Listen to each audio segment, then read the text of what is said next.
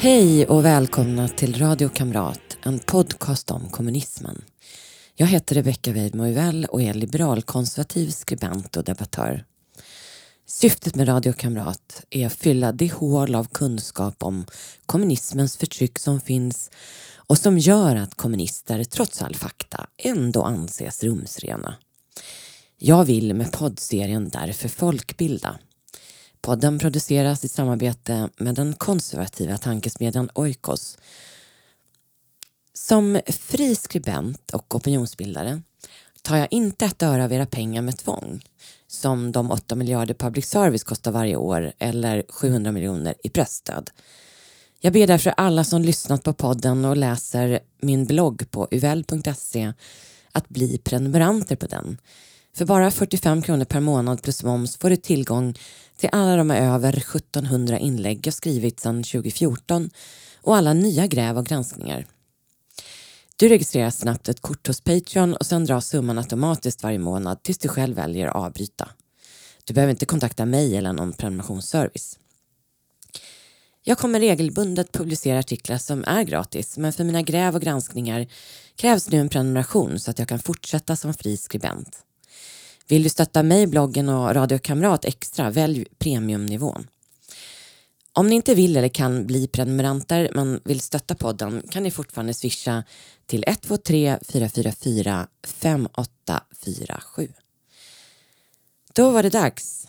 Radio Kamrats sista avsnitt, nummer 58. Det har varit väldigt roligt att driva det här folkbildningsprojektet och jag hoppas att ni som lyssnat lärt er lika mycket som jag har under den gångna tiden. Jag har sänt i 18 månader ungefär.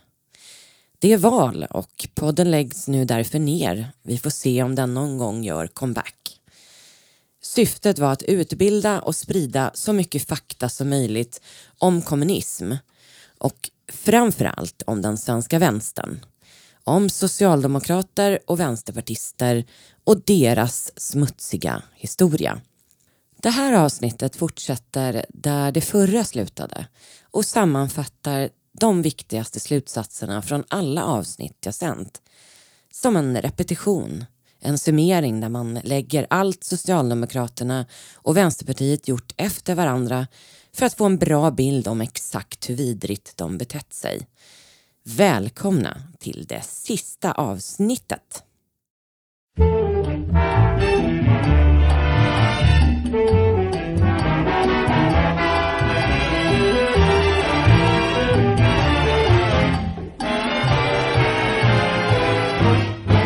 Hay en mi Cuba una nueva vida, hay en mi Cuba una nueva vida, hay en mi Cuba una nueva vida, en mi Cuba una nueva vida.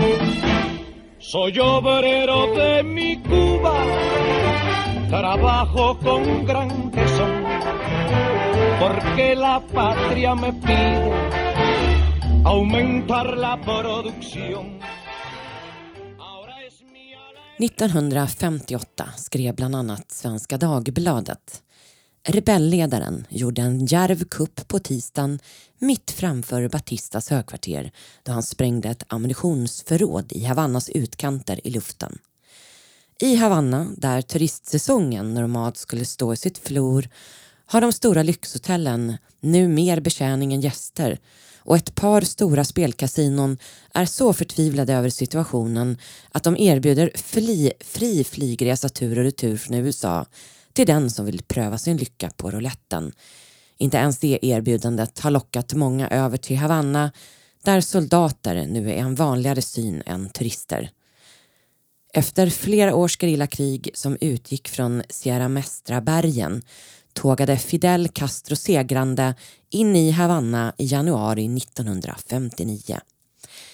Castros bror är nu diktator och förtrycket över kubanska folket består men sossarnas kärlek till Fidel består också.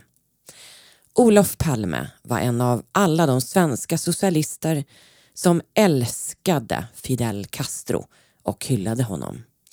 1975 besökte han Kuba som den första regeringschefen i världen från väst.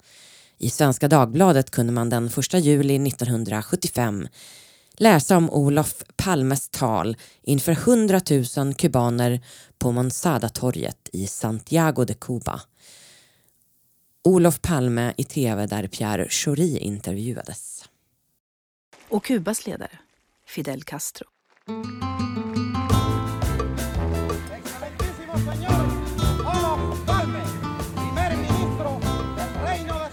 När den svenska delegationen landar på Havannas flygplats är mottagandet närmast surrealistiskt. Här kommer en socialistisk hjälte. Hundratusentals människor jublar när Kubas regeringschef Fidel Castro hälsar den svenska delegationen välkommen. Det första västerländska regeringsbesök någonsin på Kuba.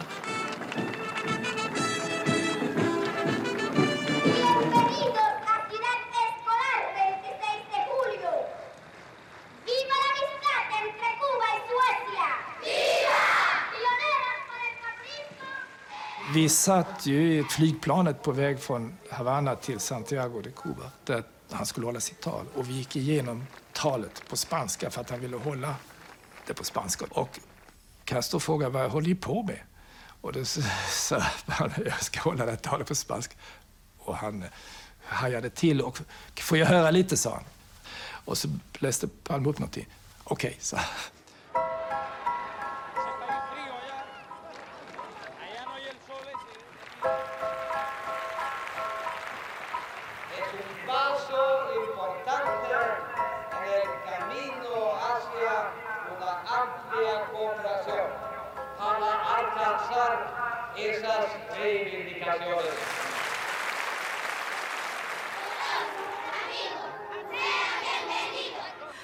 små barnen tågade med sina små röda halsdukar. Och det var ju liksom riggat på ett militäriskt vis. Jag kommer ihåg när, när Fidel Castro vände sig mot oss och, och så sa han plötsligt har vi inte blivit lite preussiska av oss? Fidel Castro, han frågade. Hela tiden ställde han frågor om hur det var i Sverige. Och det var frågor om allt från mellan himmel och jord. Det var hur mycket korna mjölkade och sånt där. Frågor som en annan inte hade en aning om.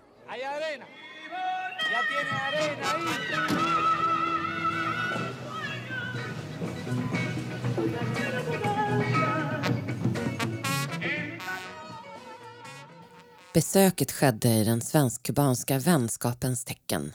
Det rådde ren karnevalsstämning utefter vägen när Palme och Fidel Castro åkte i öppen jeep från flygplatsen in till massmötet i staden. Palme hyllades, eh, hyllade de hjältemodiga kubanska frihetskämparna.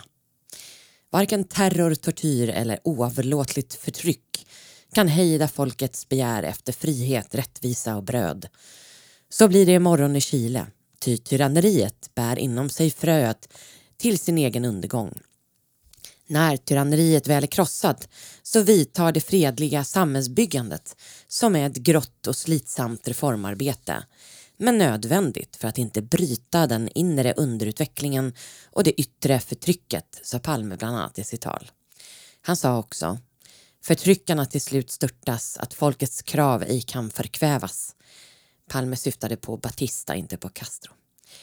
Han fastslog i talet som avslutades med parollen Leve vänskapen mellan Sverige och Kuba att en socialistisk revolution är en långvarig nydaningsprocess. Castro höll också tal och sa i sitt tal Sverige har alltid varit Kubas vän i svåra tider. Leve vänskapen mellan Sverige och Kuba. Att Palme besökte kommunistdiktatorn som första ledare från väst legitimerade hans förtryckarregim. Så det hade ju Castro helt rätt i. Och svenska vänstern har fortsatt vara stora fans av diktatorn. Från besöket finns den berömda bilden när Olof Palme röker cigarr med Fidel Castro. Med på resan till Kuba var som sagt Pierre Schori, en av landets värsta krubakramare.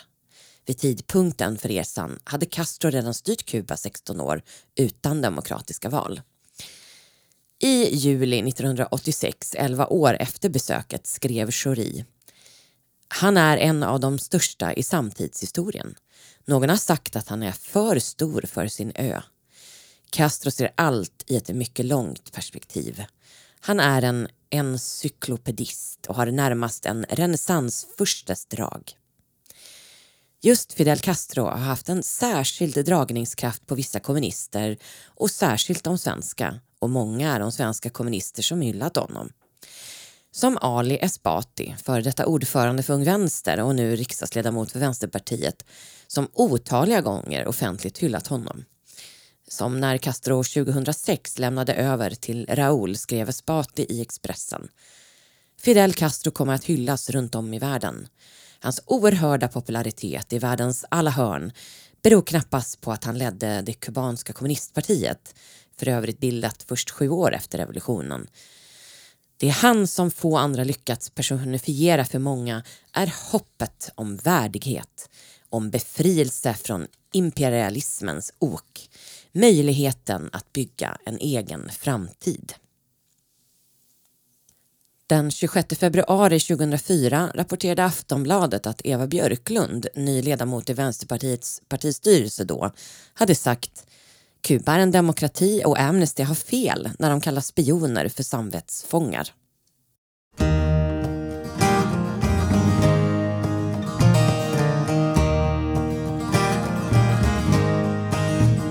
When we look at history and how it's all unwound, there are few people on this planet that have been more tightly bound with the liberation of our troubled human race than the man from Santiago with the beard upon his face.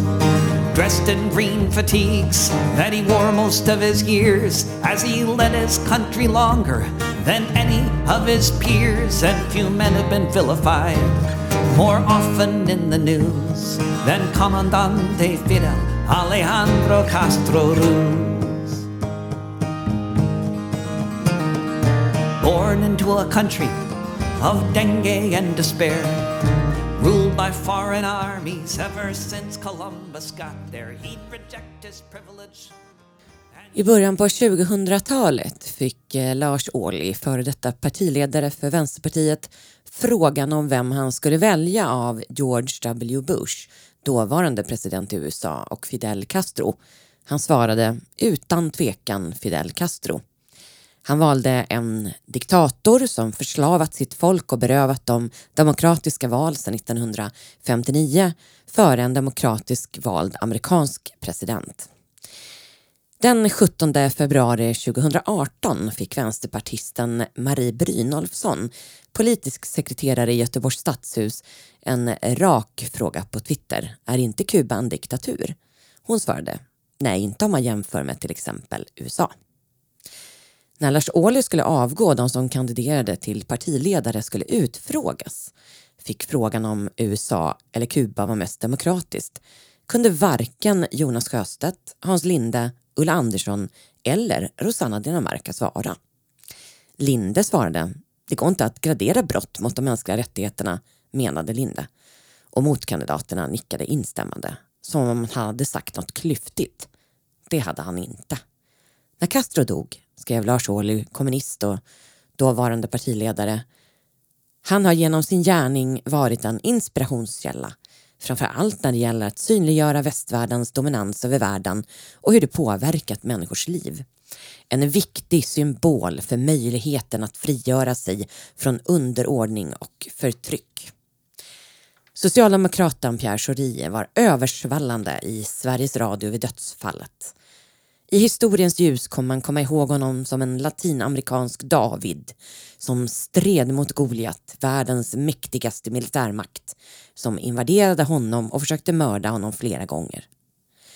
Vid dödsfallet skrev Margot Wallström, dåvarande utrikesminister i Sverige.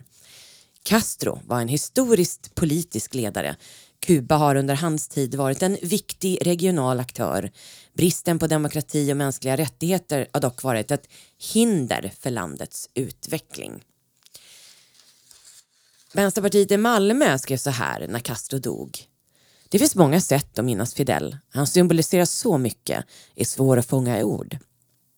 Jag väljer att minnas honom som marxisten Fidel. Han som aldrig gjorde avkall på sin ideologi men som samtidigt befann sig i kontinuerlig idémässig utveckling. Vänsterpartisten Jenny Bengtsson skrev på Twitter Castro dog idag, stor sorg, stor man. 2020 skrev Alingsås Tidning att Vänsterpartiet där på Facebook hade en lek. Välj din regeringsstab. Och besökarna fick bland annat välja på Lenin, Stalin och Fidel Castro. Inför valet 2018 på frågan om politisk förebild svarade Nadja Musa, kandidat till Region Stockholm för Vänsterpartiet, Fidel Castro.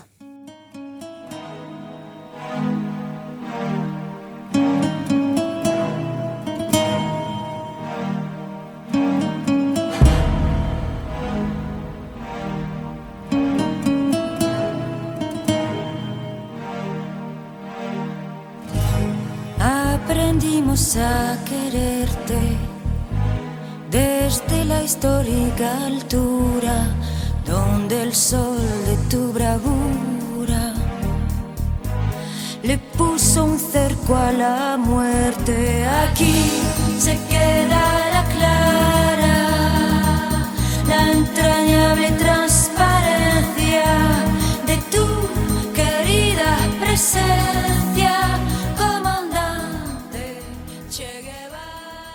Om Castro är den svenska vänsterns stora inspiration är hans kompanjon fortfarande varumärket. För vänsterns största ikon är utan tvekan Che Guevara. Förmodligen för att han dog ung och snygg. Bilden med basken syns även idag på olika vänsterkids runt om i världen och han är i konstant fokus för nya och gamla vänstern.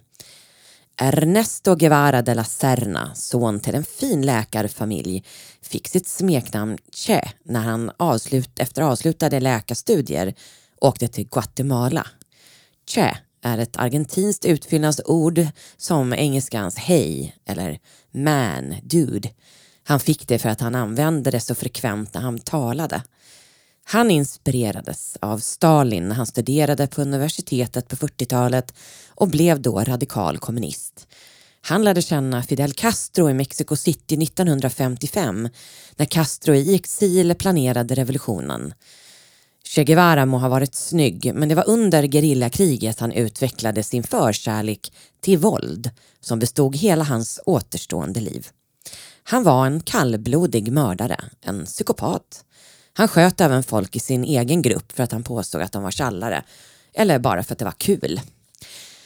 När Castros gerillagrupp vann och förslavade Kubas folk blev Che Guevara chef över fängelserna och den hemliga polisen. Han byggde Kubas koncentrationsläger. 1967 dog han som en jagad man i Bolivias djungel, bara 39 år gammal. Den mannen hyllas som en hjälte av dagens sossar och vänsterpartister, inte minst i deras ungdomsförbund. Paso a paso voy.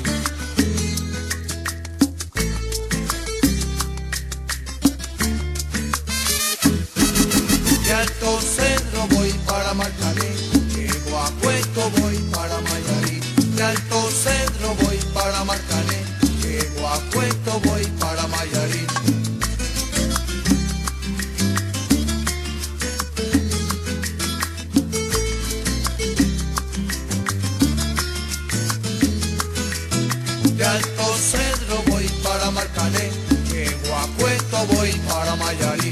Alto Cedro voy para Marcané, llego a Puerto voy para Mayarí.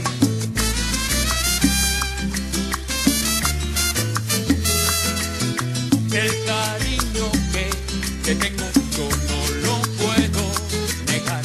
Se me salen las babitas y no lo puedo evitar. I Sverige finns det tyvärr gott om personer som skamlöst hyllar denna man. På Svensk-kubanska föreningen till exempel döljer man inte kärleken till psykopaten Che Guevara.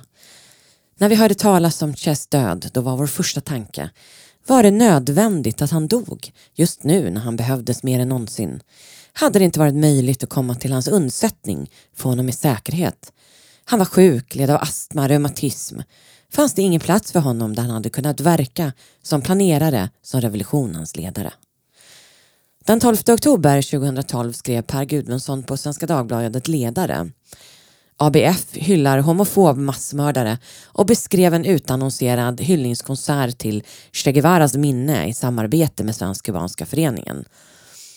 Anledningen till att han kallas homofob är för att han byggde ett par koncentrationsläger som bland annat spärrade in just homosexuella.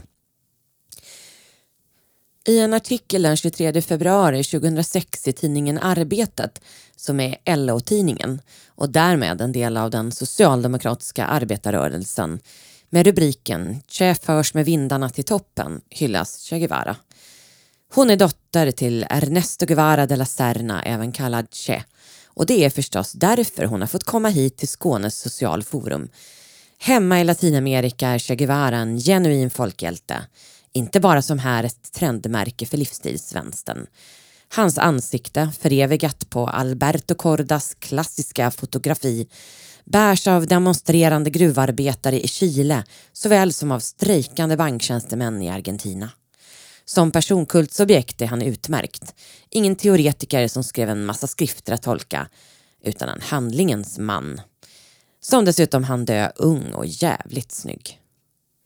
Den 17 oktober 2007 skrev det moderata kommunalrådet Anders Ågren i Umeå på sin blogg att gruppledaren för Vänsterpartiet i Umeå, Tamara Spirik, skrivit följande på sin blogg.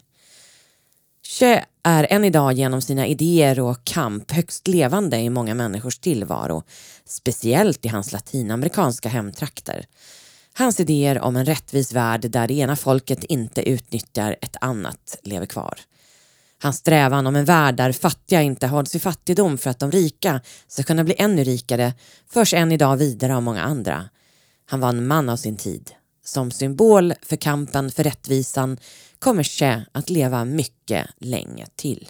Lokaltidningen Vi i Tyresö rapporterade i januari 2019 att Latin och Vänsterpartiet på Facebook upp, öppet hyllade Che Guevara. I Bryssel i korridoren där Vänsterpartiets parlamentariker sitter i, idag hänger porträtt på såväl Lenin som Stalin som på Che Guevara. Ung Vänsters slagord är bland annat Ho ho Ho Chi Minh Che Guevara.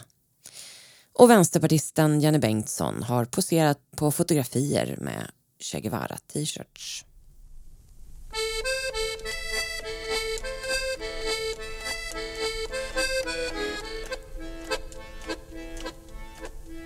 Vietnam är nära utanför ditt fönster. Blåser vinden rök ifrån Haiphong Vietnam är nära, nära som ett löfte om att förtryckarna ska störtas från sin tron en gång. Om att förtryckarna ska störtas från sin tron nu tränar generalerna sitt bombflyg till tyranni och död och lönsamhet. Nu tränar Vietnams folk sitt bästa vapen, sin starka enhetsfront, sitt mod, sin solidaritet.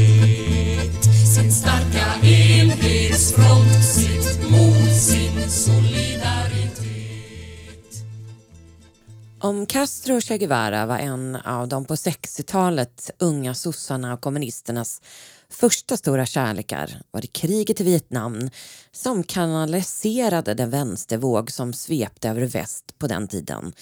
Vietnamkriget var det första tv-sända kriget vilket bidrog starkt till genomslaget och den växande globala proteströrelsen bland västländers vänsterorganisationer och partier. Inte minst genom studenter på universitetet. Sverige har dessutom alltid varit trendkänsligt med ögonen mot världen och redan 1965 protesterade grupper mot Vietnamkriget i Sverige. Några av dem som var engagerade var Andrea Andrén, ordförande i Svenska kvinnors vänsterförbund. Hon fick medalj av Sovjet 1953, Stalins fredsmedalj. Bertil Svanström, journalist på bland annat Svenska Dagbladet, fick 1970 också medalj av Sovjet, Lenins fredspris. Som ni snabbt förstår hade Sovjet under denna period som var kalla kriget stort intresse av att protester mot USA ökade. En person som kom att bli central var Sköld Peter Mattis. Han var medlem i KPML, det som då hette Kommunistiska förbundet Marxist-Leninisterna. Partiet bildades 1967 och idag heter det Sveriges kommunistiska parti, SKP. 2010 kandiderade han för Vänsterpartiet i valet. 1965 bildades Svenska Vietnamkommittén och syftet var att ena olika grupper som arbetade för fred i Vietnam. Ordförande var Steve Jacobsson, socialdemokrat. Grunden i hela rörelsen var den växande så kallade fredsrörelsen som även demonstrerade för att vägra värnplikt. Och Vietnamkriget radikaliserade de grupperna. Hallå där bonde, får jag gömma mig här? Jag kommer från Saigon med åtta gevär. De har jag snott från en amerikan. Han trodde jag ville skjuta på mitt folk, den fan. Nej, nej kommunist, gå någon annan.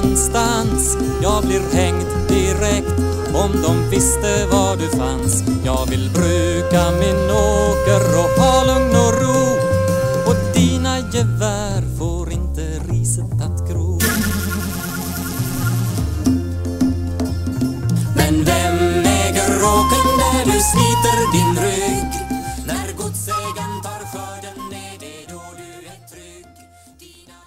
Från början bestod anti-Vietnam-protesterna av framförallt gruppen Clarté som var maoister eh, men som också samlade en del socialdemokrater. Det var den enda organisationen kan man säga där kommunister och socialdemokrater möttes och byggde nätverk. Tage Erlander, C.H. Hermansson, Harry Schein, P.O. Enquist, Karin Boye, Göran Rosenberg, Jan Myrdal, Jan Guillou, Robert Aschberg och Marita Ulvskog är några kända före detta medlemmar i Clarté. I början av 60-talet eh, var som sagt Clarté den enda organisationen där de kunde träffas i organiserade sammanhang. För utåt sett pågick en kamp mellan socialdemokrater och kommunister. Ett skäl var att man kunde mötas var att statsminister Tage Erlander varit medlem sedan han studerade i Lund, vilket gjorde att andra socialdemokrater anslutit. Men Clarté som var då ett nav för svensk vänster drabbades av stora interna motsättningar 1964 som bottnade i att idolen Mao provsprängde kärnvapen samt synen på USA som krigsmakt och Sovjet. Så ur Clarté föddes det stora Vietnammotståndet som sen enade en stor och bred vänster och hittade nya sympatisörer. I sin omtalade bok 40-talisterna, där begreppet 40-talister lanserades, skrev journalisten Ludvig Rasmusson att FNL-rörelsen kom att spela en förlösande roll för den generation som var född på 40-talet och som sedermera utgjorde den så kallade 68-vänstern. Ordförande för Clarté 1962 till 64 hette Sköld Peter Mattis och han började med några andra från förbundet inklusive flickvännen Åsa Hallström att demonstrera olagligt på Hötorget mot kriget 1964.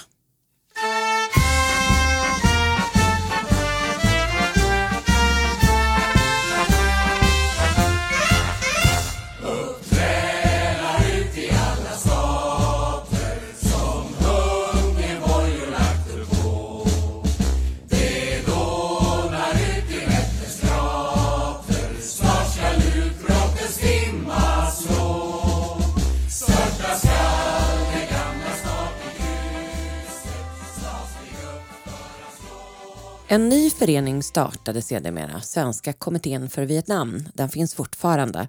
Och man valde Gunnar Myrdal till ordförande 1968. Eftersom Myrdal var en framstående socialdemokrat beslutade det mäktiga socialdemokratiska verkställande utskottet att samma år börja ge kommittén ekonomiska bidrag. Enligt Yng- Yngve Möllers bok om Sverige och Vietnamkriget var tillkomsten av kommittén klart inspirerad av att Socialdemokratiska partiet genom kommittén ville få möjlighet att kunna styra opinionsbildningen. Kommittén stödde officiellt FNL. 1971 eh, efterträddes Myrdal av en annan socialdemokrat, Birgitta Dahl, som blev statsråd i Palmes regering 1982. Även Anita Gradin var aktiv och även hon blev statsråd 82. Unga socialdemokrater lockades till rörelsen och Mona Sahlin är också en person som engagerat sig. Det var Svenska kommittén för Vietnam som arrangerade demonstrationen den 21 februari 1968. Olof Palme klädd i rysk pälsmössa gick sida vid sida med Nordvietnams Moskva-ambassadör, kommunisten Nguyen Thu Chan. I Svenska Dagbladet stod det dagen efter den lille ambassadören med det svåruttalade namnet gavs ett entusiastiskt mottagande. Det viftades frenetiskt med FNL-flaggor i den kompakta lyssnarskaran och talkören som tidigare vrålat USA-mördare omväxlande med USA ut ur Vietnam slog an en annan melodi. Ho, ho, ho, ho, Ho Chi Minh.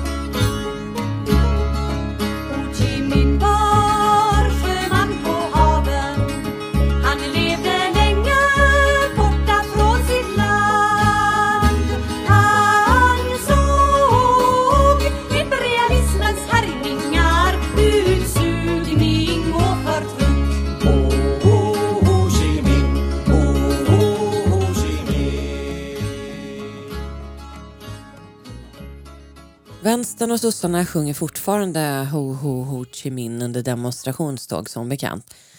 Säkerhetspolisen ansåg att Svenska kommittén för Vietnam var en täckorganisation för kommunism.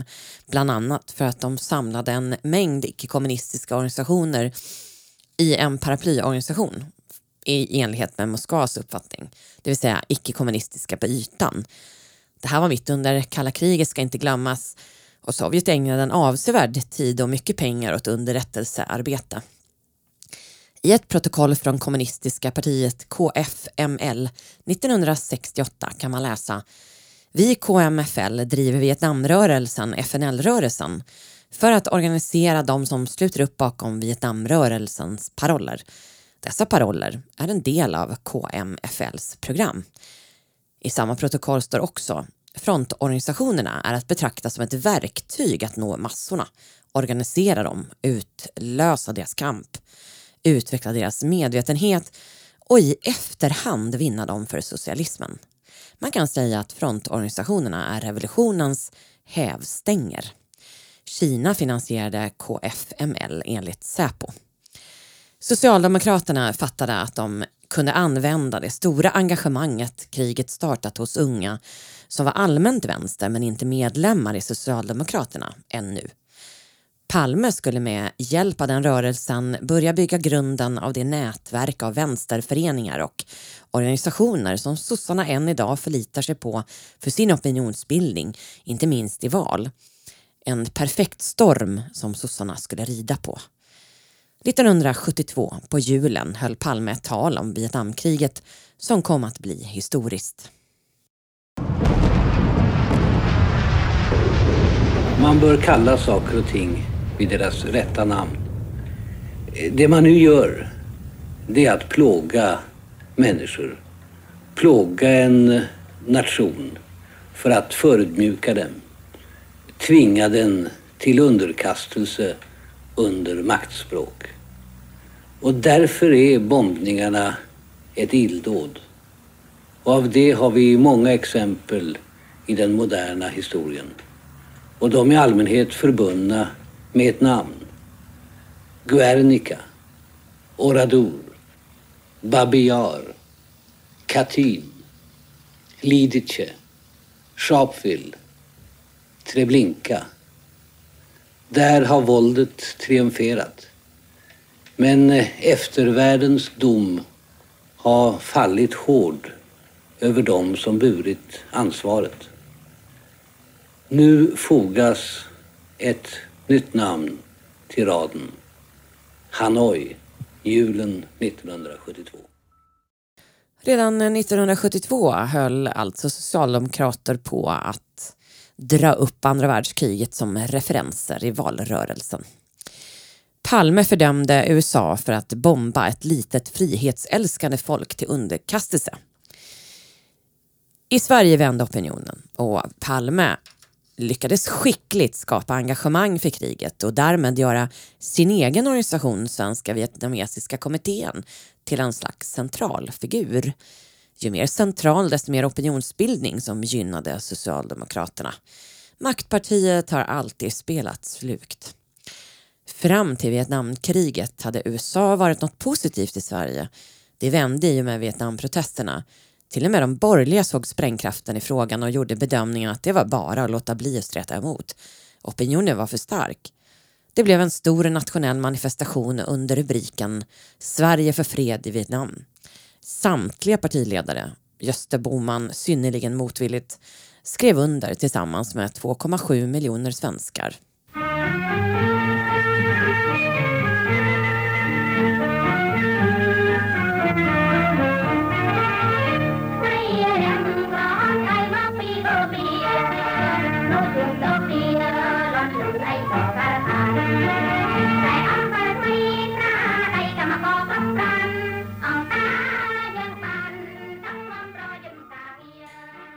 Pol Pot inledde Radio Kamrat-serien för att det han gjorde var det mest ofattbara övergreppet eftersom det skedde på bara fyra år och när tv fanns att rapportera vilket inte var fallet under Maos och Stalins fruktansvärda brott mot mänskligheten. Pol Pot var döpt till Salotsar men Pol Pot var hans artistnamn som är en förkortning av politikpotent. Givetvis har sossar beundrat även honom. Socialdemokraten Birgitta Dahl var ordförande för Svenska kommittén för Vietnam eh, och 1975 sa hon så här. Alla vet ju att mycket av det som skrivits om Kambodja varit lögn och spekulationer. Det var helt nödvändigt att evakuera Phnom Penh. Det var nödvändigt att snabbt få igång livsmedelsproduktionen och det måste kräva stora offer av befolkningen. P.O. Enquist skrev den 15 maj 1975 i Expressen men folket reste sig, gjorde sig fritt, kastade ut inkräktarna, fann att dess fina stad måste återställas. Då utrymde man huset och började städa upp. Man började skura golv och väggar eftersom människor inte skulle leva i förnedring här utan i fred och med vänlighet. I väst flödar då krokodiltårarna. Horhuset utrymt, städning pågår. I Sverige bildades vänskapsföreningen Sverige-Kampuchea snabbt och Gunnar Bergström, Hedda Ekervall, Jan Myrdal och Marita Vikander var alla ledargestalter inom FNL-rörelsen blev även tongivande i den nya föreningen. Vikander blev ordförande och sommaren 1978 reste dessa fyra till Pol Pots Kambodja där fruktansvärd terror pågick. Till saken hör att Vikander var ihop med kambodjanen som ett hår och fick en son, Jesper, med honom. Men när Jesper är två år reste han tillbaka till hemlandet och hördes aldrig av igen. Vikander och Myrdal och de andra berättade sen när de kommit hem att allt var frid och fröjd i Kambodja, ett socialistiskt paradis. De hade ätit ostron med Pol Pot och ingen svalt. 1,7 miljoner människor mördades under fruktansvärda omständigheter i Kambodja. Vietnam invaderade landet till slut och fick slut på misären. Men Myrdal har aldrig tagit avstånd. P.O. Enquist hävdade att han inte då visste vem Pol Pot var och att det som var förnuftigt då kan visa sig bli fel senare men riktigt avstånd har han aldrig tagit.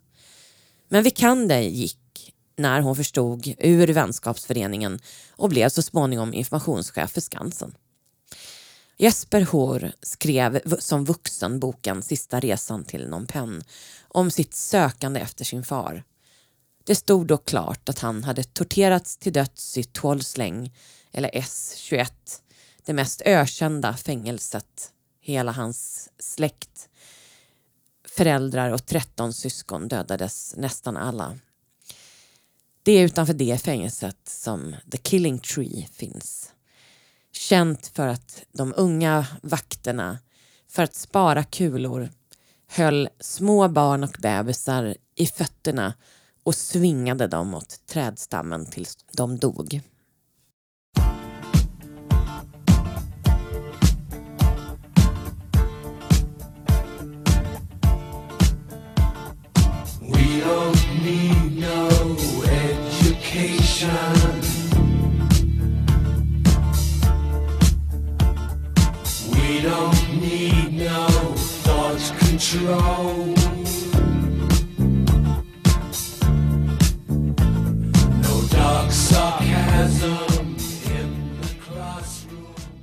Den stora symbolen men också upprätthållaren av Sovjets förtryck under decennier och kalla kriget var Berlinmuren. Muren föll den 9 november 1989. Så hur reagerade då de svenska socialdemokraterna i media? Tja, översvallande glädje vore fel beskrivning. I Aktuellt i november 1989 fick Katarina Engberg vara med som Europaexpert. Hon var aktiv i KPMLR. Hon varnade för ett nytt supertyskland och att Europa nu kommer att germaniseras. Även Dieter Strand intervjuades och han var ledarskribent på Aftonbladet Debatt. Han satt också och bastade väldigt regelbundet med ambassadören för DDR. Hur glad var då vår statsminister vid tidpunkten, Ingvar Carlsson? Ja, ni kan ju själva bedöma det när ni hör det här ljudklippet. Ja, statsministern, vad är din kommentar till det som hänt i Berlin? Ja, Det är en fantastiskt positiv utveckling. Mycket glädjande. Samtidigt så måste man vara klar över att det finns naturligtvis också risker i en sån här utveckling som går så oerhört snabbt. Riskerna, vilka är de? Ja, att det blir någon form av bakslag. Att det här är en utveckling som man kan ställa sig frågan om den politiska ledningen riktigt kontrollerar. Eh, och vad vi ändå önskar är att detta ska bli stabilt och långvarigt. Är det ett nytt politiskt landskap som håller på att ta form? Hans bekymrade tonläge finns det många förklaringar till. Han var ju själv på statsbesök i DDR samma år muren föll och hade en väldigt eh, nära relation med Erik Honecker och hans fru i DDR.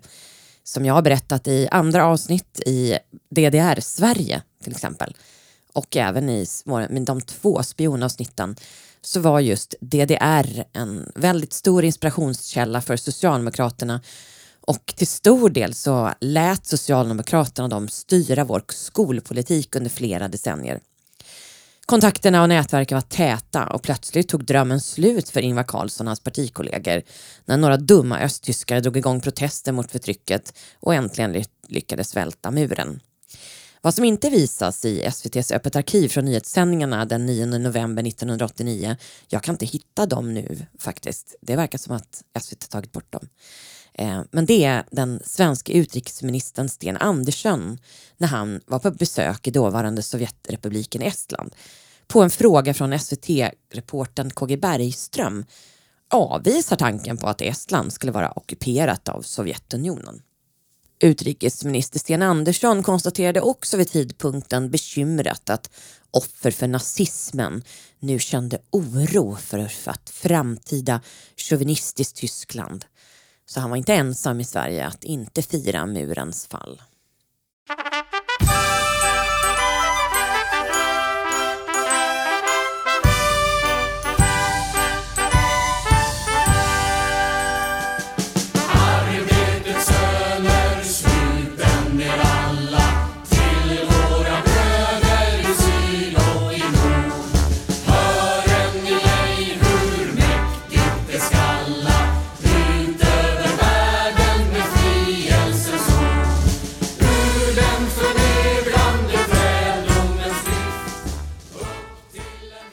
Både det här och det först, förra svenska klippet eh, med samma kör, det är Socialdemokraternas jubileumskör och där kan man hitta många av de mest aktiva Socialdemokraterna nu som Annika Strandhäll och Anna Ekström som sjunger. Lars Ohly har i intervjuer berättat att han grät när muren föll. Och det var inte så konstigt för han hade precis blivit invald i VPKs partistyrelse som ersättare 1987, den sista kongressen innan murens fall. Partiledningen hade innan hedrat otaliga kommunistiska kongresser med sin närvaro som Bulgarien, Rumänien, Ungern, Tjeckoslovakien och just DDR. När järnridån föll var det game over med det. Inga roliga resor mer. Lars Werner har även i andra sammanhang besökt just DDR. Åsa Linderborg som länge var kulturchef på Aftonbladet hade några månader före muren föll representerat VPKs ungdomsförbund på de ungerska kommunisternas kongress. Hon skrev i Aftonbladet att muren föll och jag gick sönder. Många var de kommunister och socialister i Sverige som fick se stora drömmar gå i kras när Sovjetunionen föll, järnridån raserades och hundratals miljoner ryssar och östeuropeer äntligen fick friheten. Sovjetunionen dog och med detta dog även hela den svenska vänsterns nätverk i ett slag. När världen hurrade och gladdes över att andra världskrigets restprodukt järnridån äntligen, äntligen föll när landets höger och liberaler firade och åkte ner till Berlin för att vara en del av det historiska. Då grät svenska kommunister och socialdemokrater och media satt allvarliga och varnade för att ett återförenat Tyskland var förenat med en dyster framtid. När alla fascister plötsligt var lösa då den antifascistiska skyddsvallen nu var borta, som muren kallades. Det är en Sverigebild man helst vill glömma.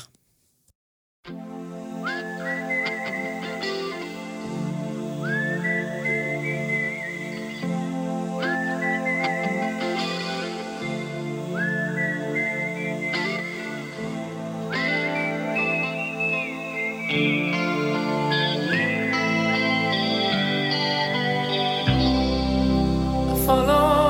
Moskva down to Gonky Park, listening to the wind of change. An August summer night, soldiers passing by, listening to the wind of change.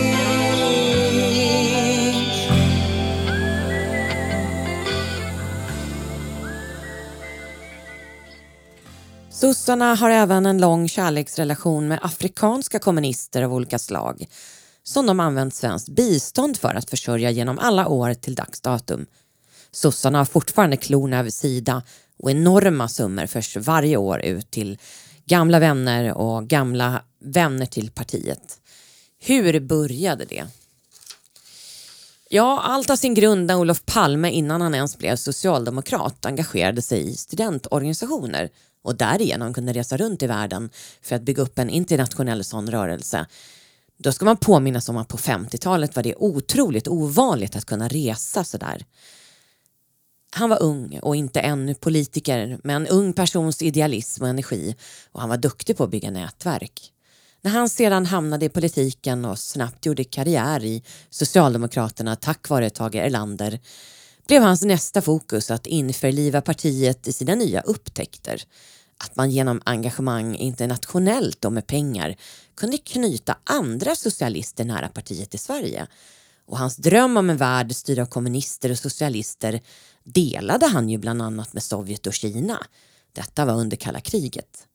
Socialdemokraterna hoppades därför att kunna sälja in sin socialdemokratiska vision till afrikanska kommunistiska gerillor genom att stödja dem. Så skulle världen bli socialistisk.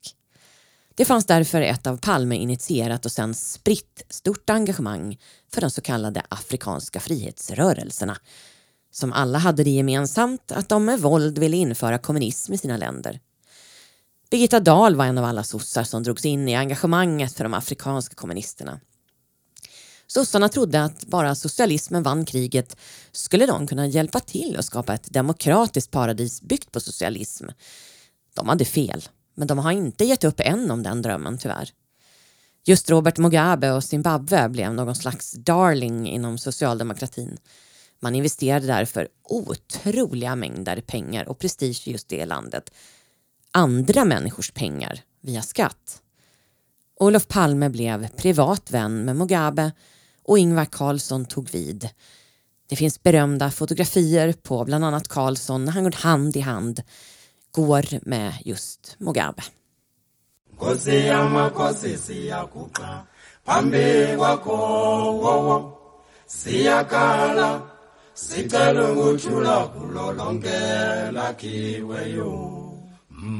baba wethu baba wethu sicela ukuthula emhlabeni baba wethu baba wethu kulo lonke lakhiweyo baba wethu baba wethu sicela ukuthula emhlabeni Sedan det svenska biståndet inleddes 1980, framför allt till afrikanska länder, har svenska skattebetalare betalat 5,2 miljarder till Mugabes fickor.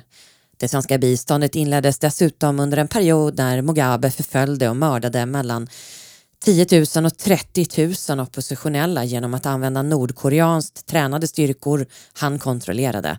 Ett krig mot sin egen befolkning. Men trots detta skrev Jan Cedergren på sida 1983 i tidningen Rapport. Det har aldrig varit tal på att avbryta biståndet. Ett så dramatiskt beslut vore en regeringsfråga. Svenska regeringar har hittills varit obenägna att använda biståndet som politiskt påtryckningsmedel. Att fortsätta pumpa in pengar till en kommunistisk despot som mördade sin egen befolkning ansågs alltså mindre odramatiskt mindre dramatiskt och korrekt än att sluta göra det. UD och Sida brydde sig alltså mer om prestige och sossarnas egna ambitioner än befolkningen i Zimbabwe.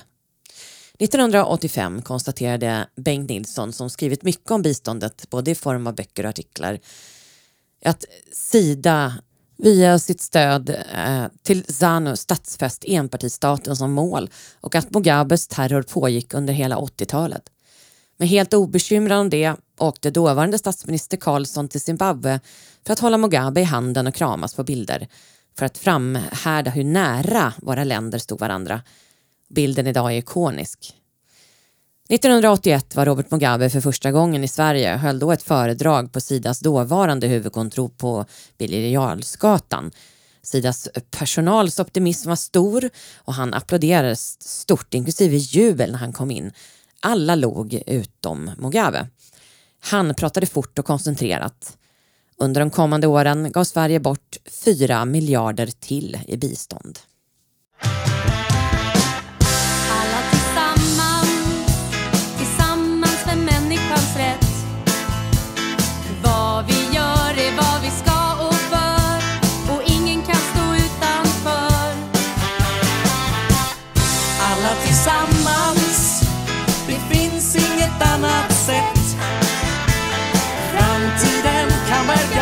Dess men det är människan som skapar den.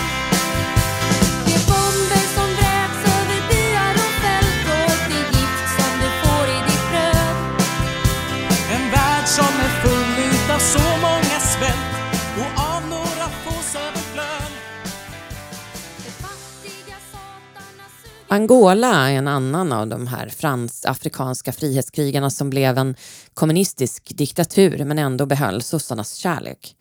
Birgitta Dahl har till exempel varit på besök där och poserat med kommunistiska gerillakrigare. Gruppen kallar sig själv MPLA och tog makten genom våld som alla kommunistiska revolutionärer. Angola fick sin självständighet från Portugal 1975 mellan 79 och 80 tog Angola emot 193 miljoner av Sverige. Ett land som fick omfattande stöd till sin militär från Sovjet och Kuba. Och det politiska samarbetet mellan MPLA och Sovjet betonades av Angolas MPLA-ledda regering. MPLAs utveckling som ett statsbärande förtruppsparti fortsätter. Kampanj mot småborgerligheten fortsätter också. På pappret är Angola en demokrati men i verkligheten vågar få yttra kritik mot styrande MPLA som styrt 40 år nu. De som, som gjort det, som till exempel en person som skrivit upproriska texter om MPLA misshandlades till döds av regeringsstyrket för, för ett par år sedan. En annan av de socialdemokratiska kelgrisarna i Afrika var Julius Nyere i Tanzania. Även denna despot var Olof Palme personlig vän med.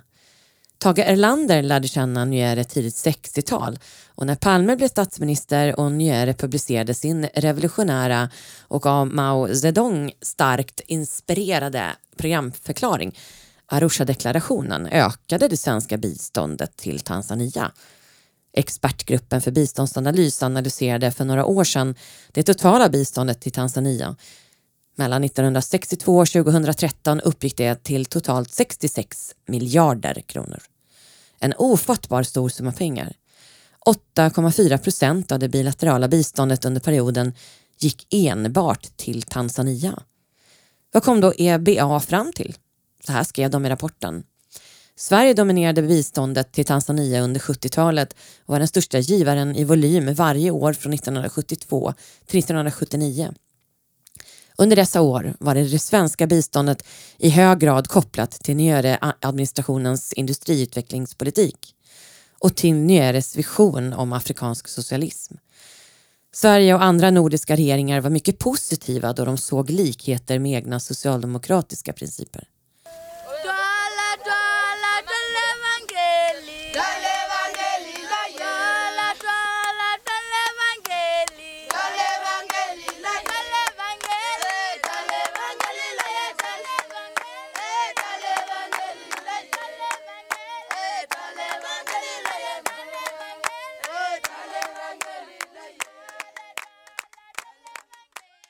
Andra länder Sverige finansierat och där Socialdemokraterna varit på fel sida historien är Uganda. 2006 avslöjade Bengt Nilsson i Uppdrag granskning att Sverige finansierade ett inbördeskrig där regeringen attackerade sin egen befolkning. Alltså finansierade via biståndet. Det svenska så kallade budgetstödet uppgick då till 65 miljoner per år.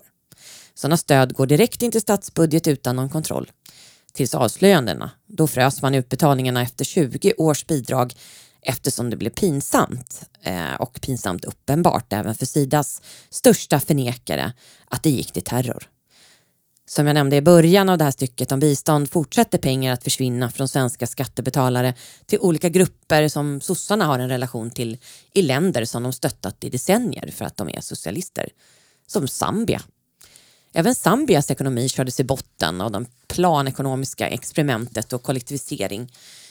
Och biståndet gör att fattiga länders incitament att utvecklas försvinner. En journalist som besökte Zambia berättade i en artikel i Expressen att han vid ett besök i Zambia möttes av total oförståelse om tillväxtens möjlighet att skapa socialt välstånd när Sidas lokala ambassadör skrattade honom rakt i ansiktet på en fråga om vilka steg Zambia tagit för att skapa tillväxt i sitt eget land. En av de största mottagarländerna av svenskt bistånd. Som vi fortsätter att ge trots korruption. För 2013 larmades det om korruption i Zambia med biståndet. Men redan 2009 försvann 50 miljoner kronor i bistånd till hälsoministeriet. En tredjedel av det årliga biståndet till hälsoministeriet. 2016 larmades det om att svenskt bistånd som skulle gå till fattiga bönder försvunnit ner i chefen för kooperationens fickor. Enligt en visselblåsare ombads personal att fixa bokföringen så att det inte skulle märkas att stora summor av biståndet fördes över till chefens egna konton. 16-17 miljoner kronor minst av svenska pengar har försvunnit. Vdn han behövde en tennisbana och en fiskdamm som han gett sig själv. Och han tog också 5 000 dollar extra per vecka i lön. Eh, totalt hade han gett sig själv 29 000 dollar i månaden i lön. Och 100 000 euro hade också gått till att anlägga trädgården. 2018 var det dags igen. Ett biståndsprogram till de allra fattigaste stoppades på grund av korruption. En minister i Zambia avsattes och en brottsutredning påbörjades och då handlade det om kontantbidrag till fattiga som Sverige finansierar som bara försvunnit. So long, farewell, I'll be just saying goodnight. I hate to go and leave this pretty sight.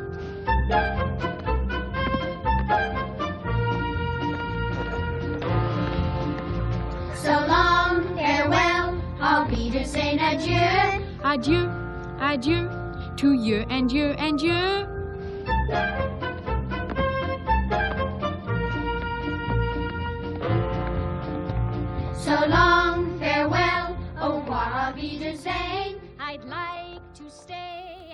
Allt roligt tar slut någon gång. Det här var det allra sista avsnittet av Radio Kamrat. Podden för folkbildning om kommunism.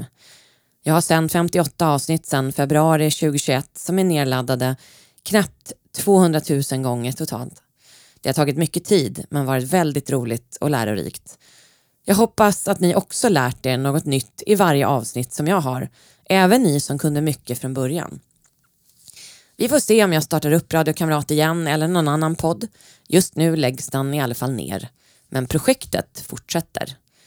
Jag kommer inom kort att börja lägga ut texter från podden baserat på alla mina manus som en databank om kommunism som ni som inte gillar podd av olika skäl kan ta del av eller ni som har gillat den kan läsa. Texterna måste däremot bearbetas för att fungera på sajten och kommer läggas bakom betalväggen.